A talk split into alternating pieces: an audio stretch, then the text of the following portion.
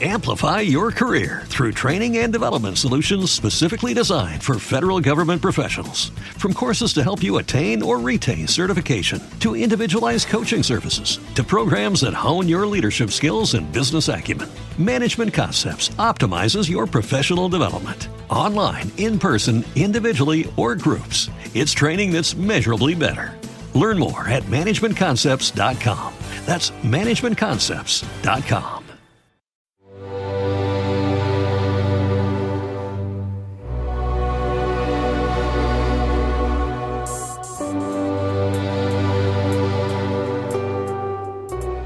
A ciencia é a noticia. Entramos no espazo da Ciencia Sync de Novas Científicas coa súa redactora Eva Rodríguez. Moi boas tardes, Eva. Que tal? Moi boas. Grazas a Sync, eh, sabemos, Eva, agora que temos unha galega na NASA que ven de recibir unha medalla eh, da propia Xencia Espacial como recoñecemento ao seu traballo. Sí, Begoña Vila é unha astrofísica de Vigo que traballa como enxeñeira de sistemas na NASA no desenvolvemento do telescopio espacial James Webb que en dous anos hace converter no sucesor do afamado telescopio Hubble. En setembro recibiu unha Exceptional Public Achievement Medal en palabras textuais da NASA por anos de logros excepcionais e liderado de deseño, desenvolvemento e probas do instrumento Fan Guidance Sensor do telescopio James Webb. Boas tardes, Begoña. Bos días para ti, en Houston. Efectivamente, bos días. Hola, boas tardes, Begoña. O teu centro de traballo habitual é o Centro de Voo Espacial Goddard, preto de Washington. Que faz actualmente en Houston?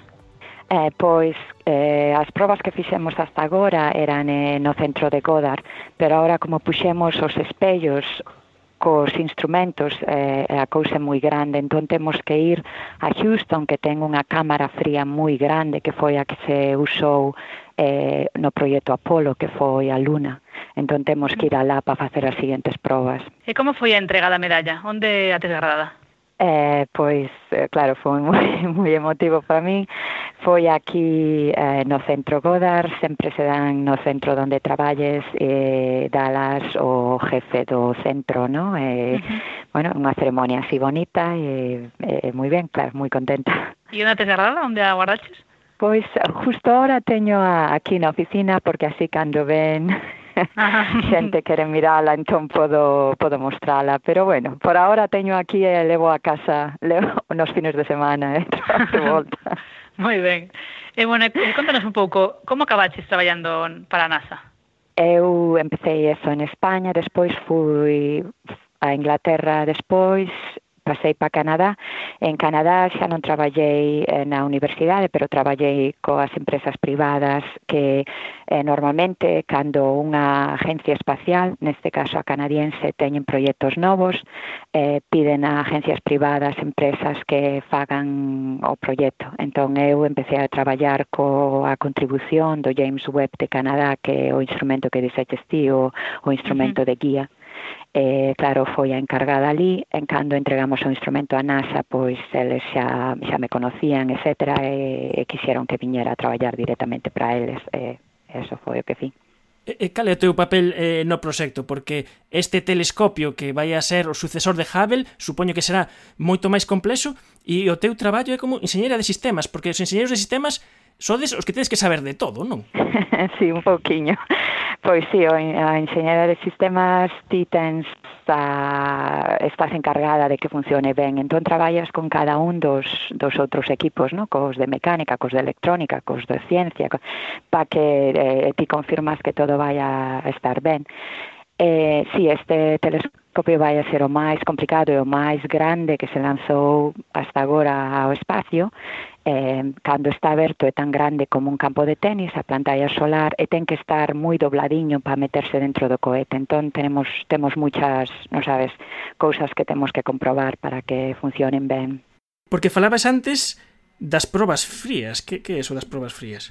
Claro, é como cando o telescopio este no espacio vai estar nas condiciones do espacio. En este caso vai estar o vacío, e despois vai estar a temperatura moi fría, a menos 230 grados centígrados. Entón, ti para comprobar que as cousas funcionan ben, tens que porlo nesas condicións, porque esas temperaturas tan frías, os materiales e todo, compórtase unha forma moi distinta de como se comportan así a temperatura normal que estamos entonces tens estas cámaras grandes que cae como unha nevera moi grande, claro, donde tú enfrías todo a esa temperatura e tamén quitas para facerlo vacío e ali enchufamos todo e hacemos as mismas operaciones que vamos a facer na órbita e comprobamos que entón todo va ben. E que son as características principais deste novo telescopio da NASA? Eh, o principal é que vai a mirar no, na onda infrarroja Entón, aínda en Ferroja, nos, eh, por exemplo, o Hubble que mencionades antes, mira no visible como os ollos nosos. Na onda infrarroja detecta o calor eh, e permite mirar máis atrás no tempo, ti si tens unha estrella ou unha galaxia que emite luz, esa luz tarda moitos anos, claro, en chegar a nós, e cando chega a nós, a esa, esa información está no infrarrojo. Entón, tiñe, tendo isto, vamos a poder mirar o principio, no? as primeiras cosas que se formaron. E, bueno, diríache tamén a outra cousa que teño en infrarrojo é que non te importa que hai adiante, non sabes? Eh, sempre digo, é como nesas películas que de noite, entón, o protagonista ponse as gafas, entón é capaz de mirar, sí, sí. aunque haya un edificio, podes mirar detrás se hai algo quente. Pois é o mismo para nós, podemos mirar as estrellas que se forman, aunque haya polvo diante, porque non nos importa. E logo hai unhas semanas que se publicou que a NASA encontrou posibles géiseres gigantes na Lúa Europa. Poderá verificar isto o Telescopio Espacial James Webb? Sí, eh, eh, eh miraremos, aunque o principal que queremos facer é fora máis fora do nosso sistema solar, tamén hai unha parte para estudiar os obxetos e os planetas no propio sistema. Entón, claro, coa resolución que vamos a ter e eh, a certas capabilidades que temos, pois avanzaremos todo iso eh, tamén, sí. E o proxecto xa está moi avanzado, xa estamos en conta casi menos dous anos eh, para que sexa lanzado dende eh, a estación aí da, da Guyana, pero su, su, seguro que queda moito traballo por facer. Eh, eh, e que andades? E supoño que ademais a responsabilidade, eh, non sei, a tensión de que vaya todo ben nas, eh, nun proxecto tan complexo? Sí, eh, efectivamente, ahora como son solo dous anos, pois pues estamos todos moi emocionadiños. Eh, justo ahora aquí en, en Godard, donde estou normalmente, estamos facendo, estamos a punto de empezar as probas de vibración. Eso é cando o, eh, moves, no? como va, como va no cohete, vai a mirar vai ser movido dunha parte para outra. Entón, duplicamos eso para comprobar que todo sobrevivo.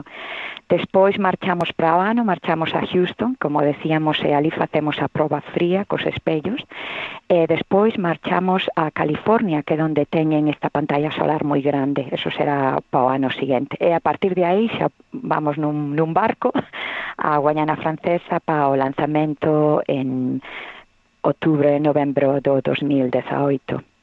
Eh, unha vez que estemos en órbita vamos a tardar os primeiros seis meses en encendelo todo e abrilo todo, etcétera, etcétera. Pero bueno, xa, xa casi está aí.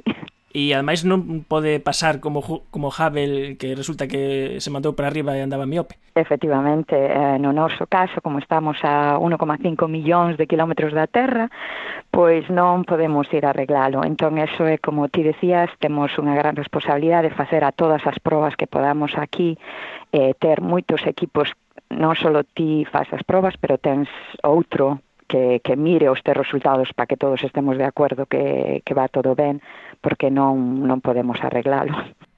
Begoña Vila, que é astrofísica de Vigo, pero que traballa como enxeñeira de sistemas na NASA e que leva anos traballando arreo eh, neste telescopio espacial James Webb e así foi recoñecida eh, pola propia NASA. Moitas grazas, Begoña, por atender a chamada de efervesciencia e eu creo que vamos intentar buscar algún oco máis para que nos vayas contando, coa axuda da Ciencia SIC, como, como vai evolucionando o proxecto. Eh, por supuesto, e moitas gracias a vos. E, Eva, moitas grazas unha vez máis polas vosas achegas da Ciencia SIC. A vos, como sempre. Ata pronto. Amplify your career through training and development solutions specifically designed for federal government professionals. From courses to help you attain or retain certification, to individualized coaching services, to programs that hone your leadership skills and business acumen, Management Concepts optimizes your professional development. Online, in person, individually, or groups, it's training that's measurably better. Learn more at managementconcepts.com. That's managementconcepts.com.